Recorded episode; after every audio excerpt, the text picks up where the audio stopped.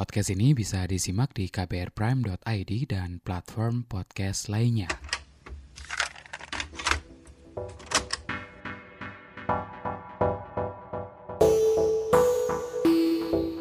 Bisu, salah satu dari lima gender dalam masyarakat Bugis, mungkin sudah lebih familiar di telinga kita. Sementara kalau di Donggala, Sulawesi Tengah, di Desa Labuhan contohnya, ada Bayasa atau Sando yang punya peran lebih kurang sama dengan bisu.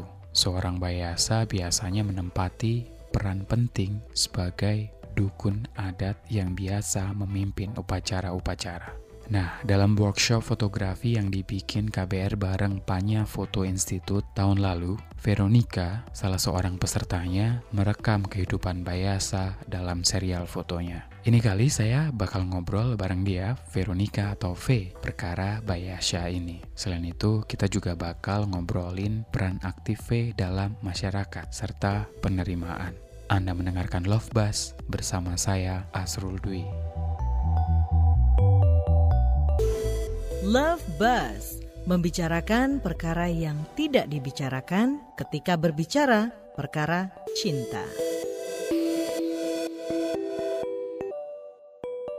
Kemarin apa sih yang bikin V untuk milih subjek fotonya tentang Bayasa. Kenapa saya pilih subjeknya itu seorang Bayasa? Karena latar belakangnya bahwasanya uh, identitas gender kita di Sulawesi itu yang terkenal kan hanya di Sulawesi Selatan ya terhadap lima gender. Tetapi kami di Sulawesi Tengah sendiri juga punya uh, gender ketiga yaitu seorang Bayasa. Nah, Bayasa ini merupakan keturunan raja yang diberikan kepercayaan sebagai uh, orang yang mengurusi acara-acara penting seperti acara ritual adat, hmm. kemudian acara pernikahan pernikahan, uh, kemudian panen, perencanaan tanam itu seperti apa. Nah, Bayasa ini dulunya itu adalah seorang uh, nabalaki. Nabalaki itu adalah seorang perempuan tapi berperawakan uh, maskulin ya seperti laki-laki. Nah, ini semakin ke sini semakin ke sini itu kan Bayasa ini sudah mulai dilupakan hmm. karena pasca gempa tsunami dan likuifaksi 2018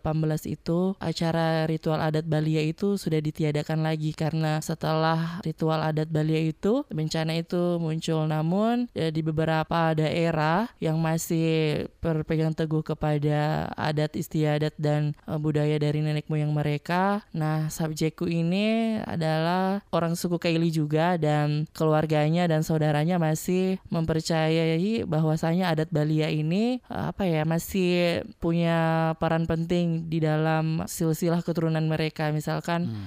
uh, seperti upacara untuk tolak bala, kemudian buang penyakit juga. Itu berarti gender ketiga itu ada dua ya tadi iya. Nabalaki sama Tolenda. Yang Tolenda yang mana? Berarti? Tolenda itu yang laki-laki berpenampilan feminim atau seperti perempuan. Oh, oke. Okay. Bayasa itu gelarnya gitu Iya, ya? Bayasa itu gelarnya. Nah, orang mengenalnya sekarang itu istilahnya Sando. Sando itu adalah dukun. Kalau sekarang gitu ya makin ke sini makin sedikit gitu ya peran-peran mereka di dalam masyarakat iya kalau untuk sekarang sih pastinya lebih sedikit karena hmm. seorang bayasa ini kan orang-orang apa ya orang-orang yang punya panggilan khusus kemudian orang orang-orang yang punya spiritual yang khusus juga dibandingkan hmm. teman-teman gender ketiga lainnya seperti hmm. transpuan dan transpria jadi kalau di Donggala sendiri khususnya itu kan masih jauh dari perkotaan hmm. dan masuk di desa desa pedalaman. Jadi mereka masih berpegang teguh kepada uh, adat istiadat, kemudian suku, namun hmm. tidak melupakan juga agama. Jadi ini adalah sesuatu yang baik karena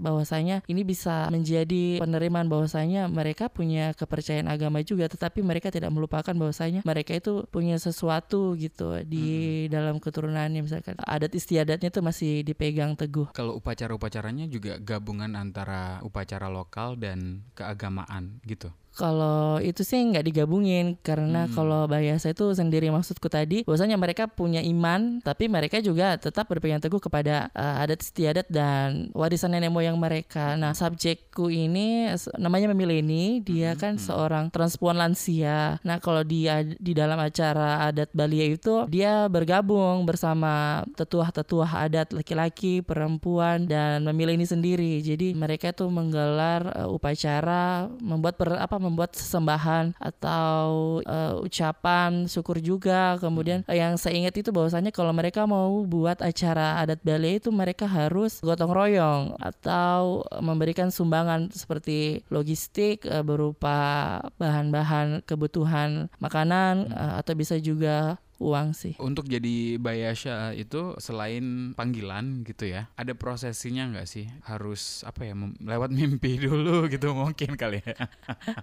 kalau saya rasa sih mungkin kalau untuk generasi Z uh-uh. zaman sekarang itu uh, rasanya kecil karena uh-huh. di Sulawesi Tengah sendiri terkhusus di Donggala itu bayasa yang saya kenal tuh hanya ada dua orang hmm. yang saya kenal. Yang satunya ini memilih ini yang apa ya yang cukup terbuka hmm. kemudian uh, sering membagikan uh, cerita dan story di media sosialnya. Jadi hmm. saya tahunya dari ini dari media sosialnya. Jadi ah. aku telusuri bahwasanya oh ternyata uh, dulunya itu sebutannya adalah Bayasa, namun sekarang orang mengenal itu adalah Sando. Hmm. Kalau untuk mau masuk ke sana kayaknya aku pikir uh, anak muda zaman sekarang jarang sih yang tertarik kemungkinan besar atau uh, yang saya tahu karena kan aku juga jarang ya masuk ke daerah mereka dan nggak tahu uh, bahwa mereka mau atau tidak. Tapi banyak yang nggak tahu ya, memang kan Face taunya dari sosial media gitu kan justru yeah. ya. Nah ngangkat ini gitu ya, jadi foto series gitu. Respon dari teman-teman Face sendiri kayak gimana? Kalau untuk itu sih pertama aku kan berbagi cerita sama teman-teman komunitas maupun uh, jaringan ya. Kalau di komunitas aku kan dari Malio Sultan dan di jaringan di LBH PIK bahwasanya di koalisi rawat hak dasar kita itu kan membuka kesempatan untuk teman-teman uh, representatif dari queer itu bisa mengikuti serial fotografi ini. Jadi mengangkat teman-teman queer dalam merawat hak dasar mereka. Nah, teman-teman komunitas itu merespon sangat mengapresiasi karena uh, teman queer itu juga punya potensi dan bisa diberikan kesempatan juga yang baik. Mereka bisa menceritakan dan membagikan story-story melalui foto dan membuat caption. Jadi Ah, dalam ah. caption itu caption foto tersebut jadi uh, yang melihat atau yang uh, mendengar juga melalui podcast kemarin itu ya teman-teman komunitas maupun jaringan juga sangat mengapresiasi dan juga hasil dari foto story ini kan dipamerkan secara offline dan hmm. online juga jadi hmm. kami di dalam grup WhatsApp itu diberikan apa ya informasi-informasi bahwasanya ini hasil karya fotonya uh, Veronica dan teman-teman hmm. lain jadi aku sharing ke grup di Maleo maupun di uh, jaringan LBH Apik dan mereka sangat mengapresiasi mau mengangkat seorang teman queer yang punya posisi penting di masyarakat dalam melestarikan adat istiadat dan budaya leluhur. Sebagai transpuan muda gitu ya, yes. uh, yang terjun langsung di masyarakat gitu. V melihat gitu ya penerimaan masyarakat di tempat V tinggal di Donggala itu kayak gimana sih? Iya, kalau ditanya itu sih yang pertama bahwasanya saya harus menerima diri diriku sendiri mm-hmm. dan membuang rasa ketakutan bahwasanya uh, ketika kita belum turun dan bergabung maupun sosialisasi di masyarakat kita jangan takut dulu atas identitas kita. Mm-hmm. Kita harus membuang uh, pikiran-pikiran negatif dan rasa ketakutan itu. Dan saya di Donggala juga bersama teman-teman komunitas itu kurang lebih sudah masuk tiga tahun ini penerimaan masyarakat juga cukup terbuka. Kemudian pemerintah desa apalagi ya aku senang karena beberapa pemerintah desa itu sudah ini membuat uh, kebijakan uh, untuk teman-teman kelompok minoritas. Ini bukan hanya kelompok minoritas gender seksualitas saja, yeah. tapi kelompok minoritas uh, lainnya seperti disabilitas, kemudian anak, perempuan, apalagi ke korban-korban kekerasan. Jadi hmm. kami masuknya enak, kemudian uh, hubungan kami humanis bersama masyarakat dan masyarakat juga sangat menerima kita bahwasanya yang mereka tahu seorang transpuan atau komunitas gender dan seksualitas itu kan uh, pekerja pekerjaannya mungkin hanya di salon saja, hmm. kemudian kerja-kerja freelance, ya, dekorasi pengantin atau wedding organizer, ter tetapi mereka juga melihat realitas bahwasanya ada juga aktivis-aktivis teman-teman queer yang ada di desa yang mau menyuarakan bagaimana uh, kebutuhan, kemudian suara-suara mereka yang dibungkam itu bisa dibuka kepada pemangku kepentingan di level desa, di level kecamatan, di kabupaten maupun di provinsi itu sih. Awal terjun terjun ke Maleo ikut terlibat aktif gitu ya di Maleo kayak gimana dulu? Iya, uh, aku bergabung di Maleo itu waktu pasca bencana ya. Awalnya tuh uh, aku kukira kita akan mendapat bantuan kan karena Oh. banyak nih donor-donor kita lihat itu wah itu ada terpal ada ada Ah, ah. ember ada logistik karena itu adalah kebutuhan dasar kita di masa tanggap darurat bencana Hmm. ya jadi kebutuhan-kebutuhan itu kita penuhi tapi ternyata kita itu dilibatkan jadi uh, volunteer jadi Oke. tim relawan Ah. kemanusiaan dan saya sangat senang karena jadi relawan itu bukan hanya laki-laki dan perempuan yang dipercayai uh, masyarakat uh, heteronormatif teman-teman transpuan khususnya saya dan teman-teman queer lainnya itu juga perlu dilibatkan karena kalau bencana bukan hanya saja korbannya laki-laki dan perempuan Iya, tapi semua dari orang, kan. semua aspek Kalangan, gender iya. dan kalangan itu menjadi korban. Nah, semakin ke sini tahun berjalan, kedekatan saya dengan Malio maupun jaringan itu cukup dekat dan Hmm. banyak juga jaringan-jaringan di nasional maupun internasional Hmm. yang berkolaborasi dengan kita bagaimana bahwasanya kita bisa menjangkau teman-teman melalui eh, program-program seperti WASH, kemudian livelihoodnya seperti apa, kemudian aspek perlindungan dan kesetaraan gendernya Hmm. seperti apa di Sulawesi Tengah. Kalau aku lihat gitu ya, V orangnya cukup artikulatif. Itu belajarnya dari mana sih? yes, kalau yang untuk itu sih mungkin karena rasa percaya diri yang cukup Asik. tinggi, jadi nggak perlu belajar atau takut karena saya ingat bahwasanya orang tua selalu mengajarkan bahwa kita pertama itu harus percaya diri, Hmm. walaupun itu apa ya dianggap salah maupun benar itu adalah suatu proses pembelajaran. Nah, sedangkan waktu kuliah aku, aku tuh paling malas organisasi. Kuliah apa Karena- sih V dulu? Iya aku kuliahnya itu di Fakultas Kehutanan. Universitas Tadulako. Jadi kalau menurut orang-orang eh, bias ya. Oh seorang transpuan tapi ini kuliah di kehutanan. Tapi tantangan-tantangan di situ ya cukup tinggi. Dan di masa kuliah itu juga pembelajaran ya. Bahwasanya kita itu harus bisa mandiri belajar Dan mendeskripsikan, menarasikan pengetahuan-pengetahuan itu seperti apa Jadi aku rasa beda eh, zamannya SMA dengan kuliah Jadi Mhm. intelijensianya kita di masa kuliah itu lebih dipacu, lebih diasah dan Iya. harus mencari tahu eh, lebih detail, lebih dalam sih. Dan juga setelah selesai kuliah kan bergabung nih di eh, lembaga dan juga jaringan. Jadi kami diberikan kesempatan teman-teman transpuan ini. Jadi kita nggak harus bicara tentang LGBT, kemudian teman-teman queer, tapi kita harus berbicara juga bagaimana GBV, misal eh, misalkan kekerasan berbasis gender untuk teman-teman LGBT atau queer queer itu seperti apa. Kemudian juga kami dilatih sebagai para legal muda yang inklusi. Jadi Hmm. bagaimana kita diasah memiliki kepercayaan diri dan kemampuan untuk mendampingi teman-teman jika mendapati kasus dan korban kekerasan. Jadi seorang transport jangan takut kalau ke kantor polisi ikut BAP, kemudian ikut P21 di kejaksaan. Jadi ya udah mulai terbiasa karena itu sih kami di- selalu diberikan kesempatan uh, transpuan uh, teman-teman lain juga diberikan kesempatan untuk belajar. Jadi eh, isu-isunya itu nggak melulu soal HIV misalkan, tapi Iya, kita iya. juga isunya itu global. Ada isu-isu perubahan iklim juga. Jadi oh, wow. yes, jadi wow ternyata basically di kuliah dulu itu bisa dipakai sekarang Ternyata dan kepake sus- ya. ya sustainable juga Ah, ah, ah. di program-program juga. Jadi kita itu punya apa ya nilai dan posisi tawar juga. Mm-mm. Kalau kita di mata lembaga, di mata jaringan juga sih itu. Asal mau dan pede itu tadi. Iya ya. percaya diri aja dulu. Kalau mau bicara itu kan kita bisa belajar ya. Yang penting Mm-mm. kita tahu nih substansi yang kita mau sampaikan itu apa dan tidak melenceng dari apa yang kita sampaikan itu sih. Tapi berarti orang tua dari dulu emang mendukung gitu ya, eh, nggak ada masalah gitu. Iya, kalau dulunya sih kebanyakan orang ya eh, mungkin orang tua tidak menerima atas eh, pilihan anaknya. Namun semenjak selesai kuliah tahun 2017 itu aku melihat perubahan-perubahan penerimaan dari orang tua aku. Pertama dari ayahku dulu. Jadi ayahku itu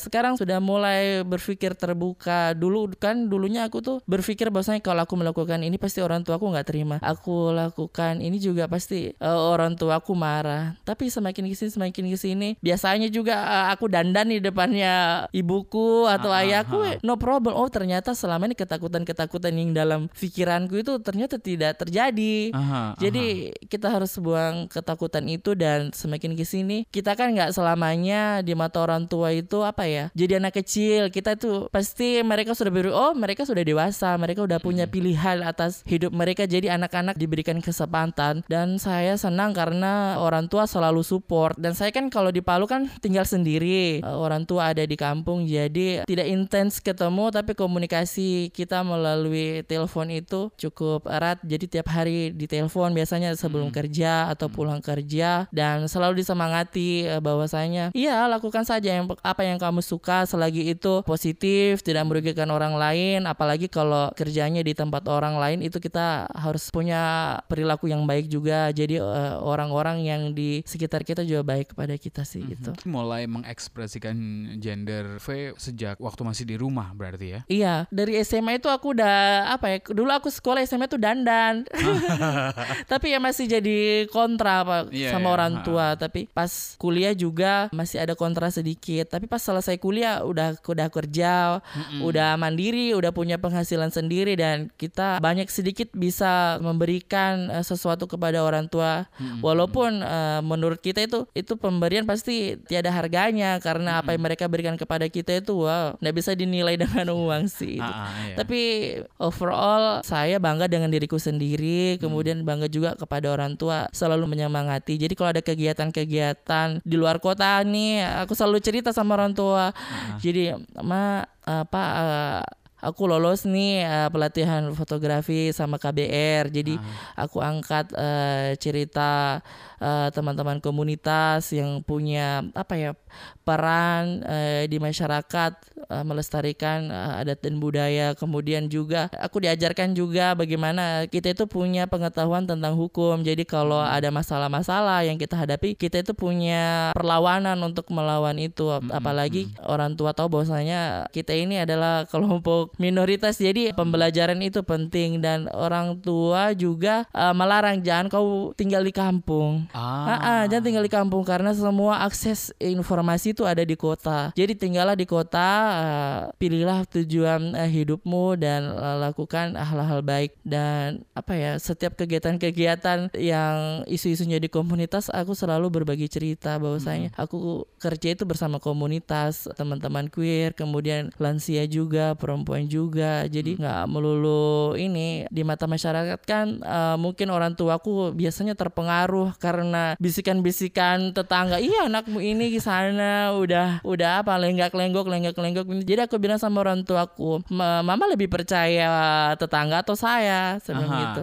Walaupun uh, saya begitu kan uh, saya tidak merugikan mereka sebenarnya mm -hmm. gitu sih. berarti ada dialog-dialog ngasih pengertian terus menerus gitu ya ke orang tua ya? Iya tiap hari. Pokoknya kalau nggak setiap pagi telepon biasanya malam nelpon. Walaupun uh, cuma tanya lagi apa udah makan atau belum. Jadi aktivitas seharian tadi ngapain aja itu hmm. hal-hal kecil sih tapi itu sangat uh, berharga karena bahwasanya aku masih dianggap sebagai anaknya yang tersayang karena aku hanya berdua bersaudara dan adikku uh, perempuan yang sudah menikah dan dia sudah tahu tentang identitas aku tentang Aha. orientasi aku juga karena di foto WhatsApp juga aku udah pasang fotoku uh, berpenampilan Aha. perempuan kemudian story-storyku uh, setiap hari juga menggambarkan kepribadianku dan identitasku Aha. sih. Adik juga santai aja. Iya, adik santai aja dan orang pertama yang tahu aku coming out itu ya adikku, adik hmm. perempuanku. Waktu itu coming out ke orang tua gimana? Kalau coming out uh, ke orang tua hanya identitas dulu ya. Mungkin hmm. orientasi seksual itu punya tantangan besar. Semakin ke sini semakin ke sini, mungkin orang tua aku udah udah tahu orientasi hmm. seksualku karena mereka tidak pernah menanyakan siapa pacarku, uh, mana sih pacarmu, kenapa kamu nggak uh, kenalin uh, sama orang tua. Apalagi aku sudah usia 20 26 tahun biasanya kalau usia 26 tahun pasti mereka akan desak kapan kau menikah? Kamu kan udah bekerja ini kan. Tapi sampai sekarang aku nggak pernah ayahku atau ibuku tanyakan eh, siapa pasanganmu? Kapan kau menikah? Itu oh, berarti mereka tahu bahwasanya uh, identitasku dan orientasiku mungkin mereka udah tahu tanpa aku bilang sih sebenarnya. Kalau keluarga mendukung ya kita bisa jadi lebih gampang untuk maju gitu kan sebenarnya ya. Intinya kita jangan uh, minder jangan jangan patah semangat. Bahwasanya kalau kita mau belajar semua orang punya kesempatan untuk belajar. Yang penting kita tuh punya kemauan dulu dan semua orang punya nilai punya peran punya posisi di keluarganya di masyarakat maupun uh, bisa juga menyumbang di proses pembangunan pembangunan daerah. Kalau tadi kegiatan paralegal itu kasus-kasus yang kayak gimana yang biasa V dampingi? Iya, yang aku dampingi ini uh, kalau di daerah itu kan kebanyakan stigma dan diskriminasi Hmm. uh, beberapa masyarakat itu masih dilakukan, walaupun masih bisa dihitung sih. Uh, dan hal-hal itu kan nggak bisa kita maafkan ya. Kalau untuk kasus-kasus sendiri yang kemarin yang aku dampingi itu kasus uh, pengusiran anak uh, yang punya identitas sebagai transpuan, dia diusir dari rumah dan dia dikeroyok oleh adik kandungnya sendiri dan teman-temannya. Jadi uh, aku dampingi untuk mediasi ke pemerintah desa, kemudian ke satgas kalimanya juga yang di desa, namun nggak ada respon yang cepat. Jadi aku langsung aja lapor ke pihak polisian untuk di BAP. Kemudian ada juga beberapa teman yang mengalami uh, kasus perampokan atau yang bisa dibilang pengambilan paksa handphonenya seorang transpuan ini dicuri. Jadi kita telusuri bahwasanya ini ini siapa, kemudian pelakunya siapa, tinggal di mana. Jadi kita lapor ke polisi dan pelakunya sudah ditangkap dan juga kasus pemukulan kemudian uh, penganiayaan juga. Tapi nggak hanya komunitas sih yang kita dampingi, tapi kelompok-kelompok lain seperti anak korban pelecehan seksual, kemudian pemerkosaan, kemudian disabilitas juga kita dampingi. Jadi tantangannya itu besar. Jadi Nah, itu. BAP-nya nggak cuma satu kali, jadi BAP-nya ada BAP tambahan. Kemudian tantangannya juga penyidiknya bagaimana mereka responsif gender dan punya perspektif terhadap korban ya. Jadi itu tantangan terbesarnya, apalagi terkait identitasnya kita kan. Nah itu dia kalau berhadapan dengan mereka gitu ya punya ini dong pola komunikasi yang agak berbeda kan pasti. Iya. Biasanya tuh kayak gimana tuh? ikuti saja semua proses. Tapi kalau dalam proses itu ada sesuatu yang eh, mengganjal, itu perlu kita tanyakan. Kalau tidak kita protes. Nah pembelajarannya bahwasanya eh, waktu di BAP itu korban itu ditemukan oleh pelaku itu kan sebenarnya tidak bisa ya. Takutnya ini udah korban ke- kemudian eh, ketemu pelaku jadi ya korban merasa psikisnya itu eh, terganggu dan merasa ditekan. Dalam pendampingan gitu kayak tadi contoh ada pengusiran gitu oleh keluarga. Ada itu nggak sih penyediaan ruang aman buat teman-teman ini? Iya ada. Eh, Kebetulan kalau di Donggala sendiri kamu punya rumah aman bagi komunitas itu ada di Desa Dalakan. Tapi karena keterbatasan eh, teman-teman di daerah, jadi kami menggunakan eh, rumah aman itu seadanya. Jadi masih ada beberapa kebutuhan-kebutuhan yang belum bisa dipenuhi sih. Tapi eh, rumah aman itu kita jadikan sebagai tempat untuk belajar, kemudian sharing-sharing. Nah, tetapi kalau untuk di Kota Palu sendiri, rumah aman itu sudah ada Maleo Sulawesi Tengah dan LBH Apik itu membangun satu tempat. Jadi kantornya Apik di tempat itu, kemudian rumah amannya juga ada di situ.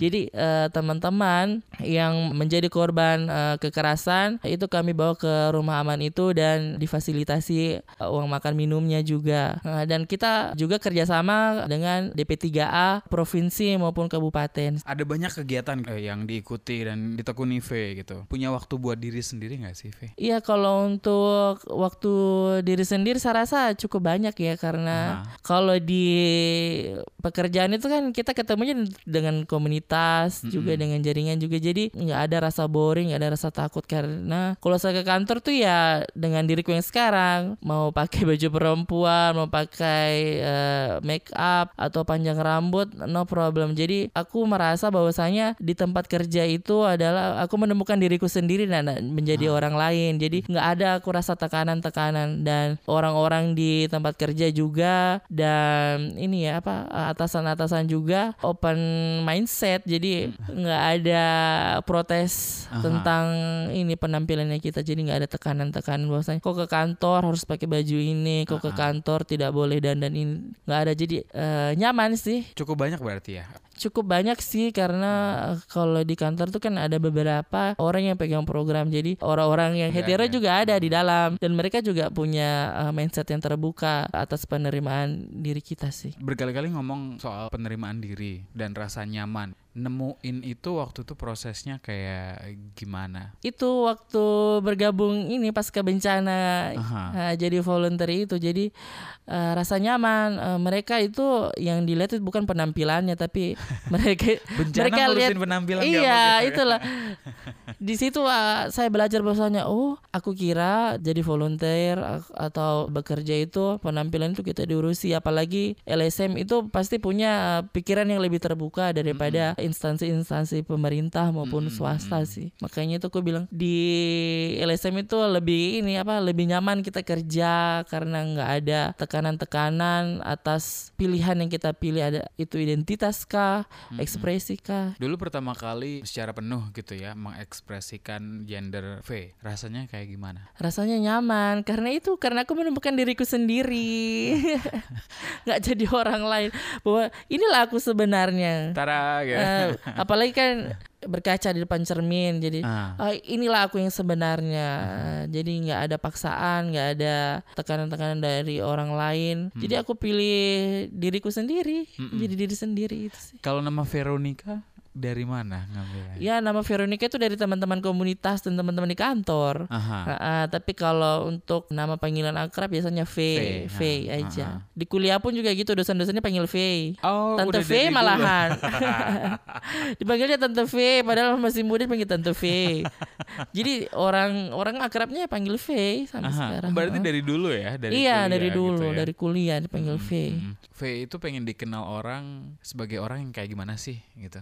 Kalau aku sih nggak muluk-muluk ya. Hmm. Orang tuh perlu tahu bahwasanya ya aku seorang transpuan, tapi Hmm. di balik eh, transpuanku itu ya orang harus melihat bahwasanya ya seorang V itu punya eh, potensi Hmm. yang bisa dinilai juga nggak dipandang sebelah mata. Oh bahwasanya V itu punya posisi tawar juga bagaimana dia bisa bekerja untuk teman-teman komunitasnya sendiri, kemudian keluarganya, kemudian lembaganya, orang-orang di sekitarnya. Kalau kehidupan pribadi gitu, kita ngomongin soal perkara personal nih, Eh, dating life gitu, kayak Yes. gimana tuh? Iya, semangat dia.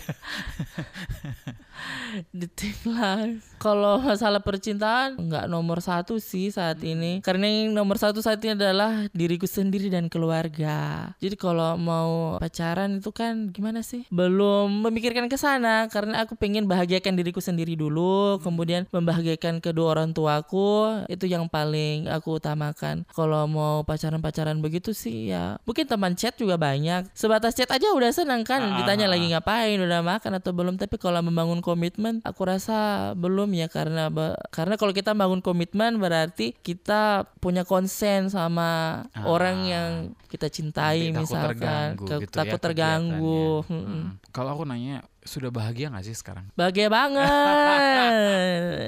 Art- yes. Arti kebahagiaan buat V apa?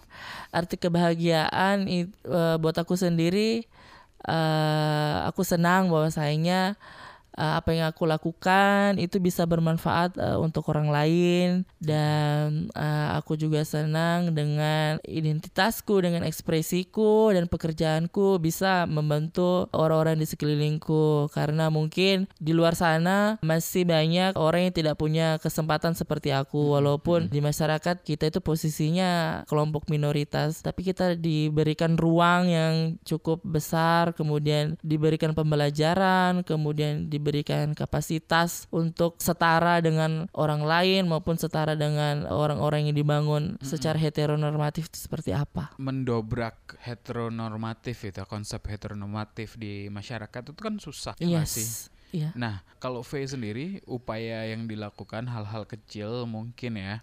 Ya, biasanya sih eh, aku rajin ini story story di media sosial. Biasanya Ah. kalau aku story fotoku biasanya captionnya eh, menuliskan tentang eh, diri aku secara tidak langsung bahwasanya ya bukan hanya laki-laki dan perempuan saja tapi dari aktivitas-aktivitasku itu sudah menggambarkan bahwasanya oh ternyata laki-laki itu nggak hanya kerjanya di ruang-ruang publik Mm-mm. jadi bisa di ruang-ruang do- domestik juga begitu juga dengan eh, perempuan nggak melulu hanya di domestik tapi di ruang publik juga. Dan aku selalu di kelompok-kelompok kecil itu eh, lakukan diskusi-diskusi eh, bagaimana sih gender dasar kemudian seks itu apa.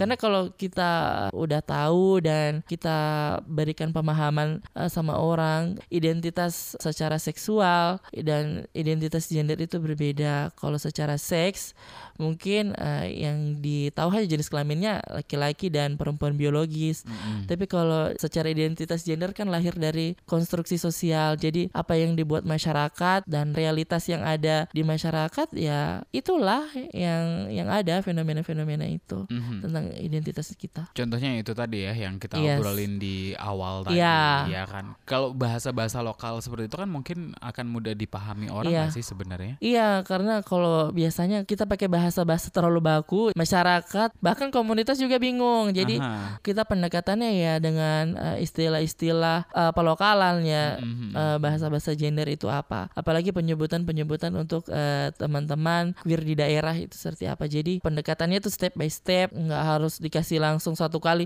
nih sogis. Ah apa sogis itu? Iya. Heeh, ternyata kita harus apa ya pelan-pelan dulu. Identitas gender itu apa? Oh gender yang ada di Kabupaten Donggala itu apa? Jadi kalau mereka mungkin bahasa transpuan eh, transpia transpria transwoman transmen itu mungkin bahasa-bahasa yang baku ya tapi Mhm. kalau bahasa-bahasa daerah kan biasanya ada bes, ada tolenda, ada nabalaki, ada geisha, ada apa? Iya, itu eh, ini sih kita cocokkan bahwasanya oh kalau dia transgender berarti ada tolenda, Mhm. kemudian ada nabalaki, kemudian ada bes. Itu Base sih. itu apa? Bes itu waria. Oh, oke. Uh, Itu base. bahasa yang lainnya. Iya, bahasa yang lain bahasa bahasa lokal yang ada di sana Oh, bes. Oke, ada nggak sih keinget mungkin pertanyaan-pertanyaan dari masyarakat yang masih teringat sampai sekarang atau pertanyaan-pertanyaan ajaib gitu yang sempat diterima dari masyarakat? Yang saya ingat itu bahwasanya transpuan itu di ini ya, masih dipertanyakan menjadi seorang pemimpin. Kalau kita menjadi seorang pemimpin itu kan harus laki-laki, harus Oh, maskulin. Iya iya.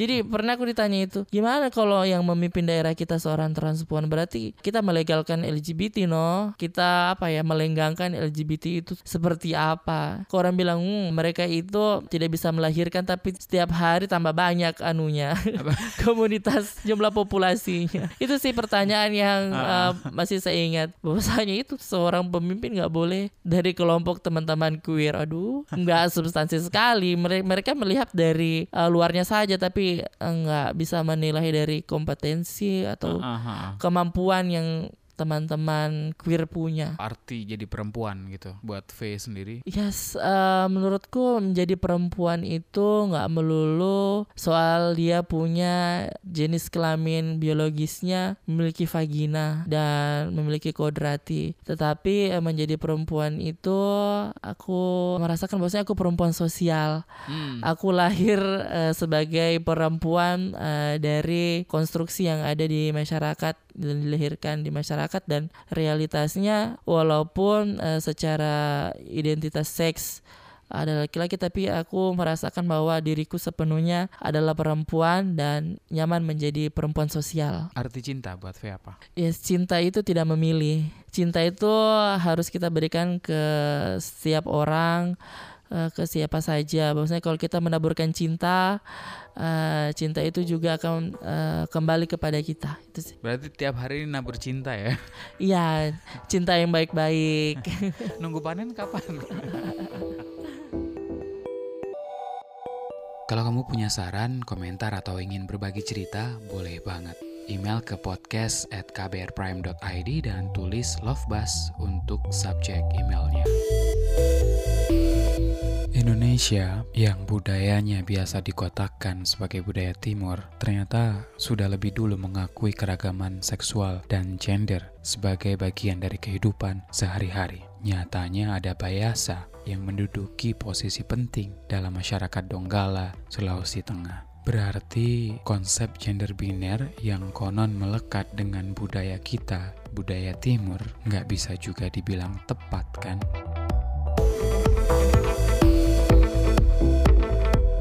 Love Buzz membicarakan perkara yang tidak dibicarakan ketika berbicara perkara cinta.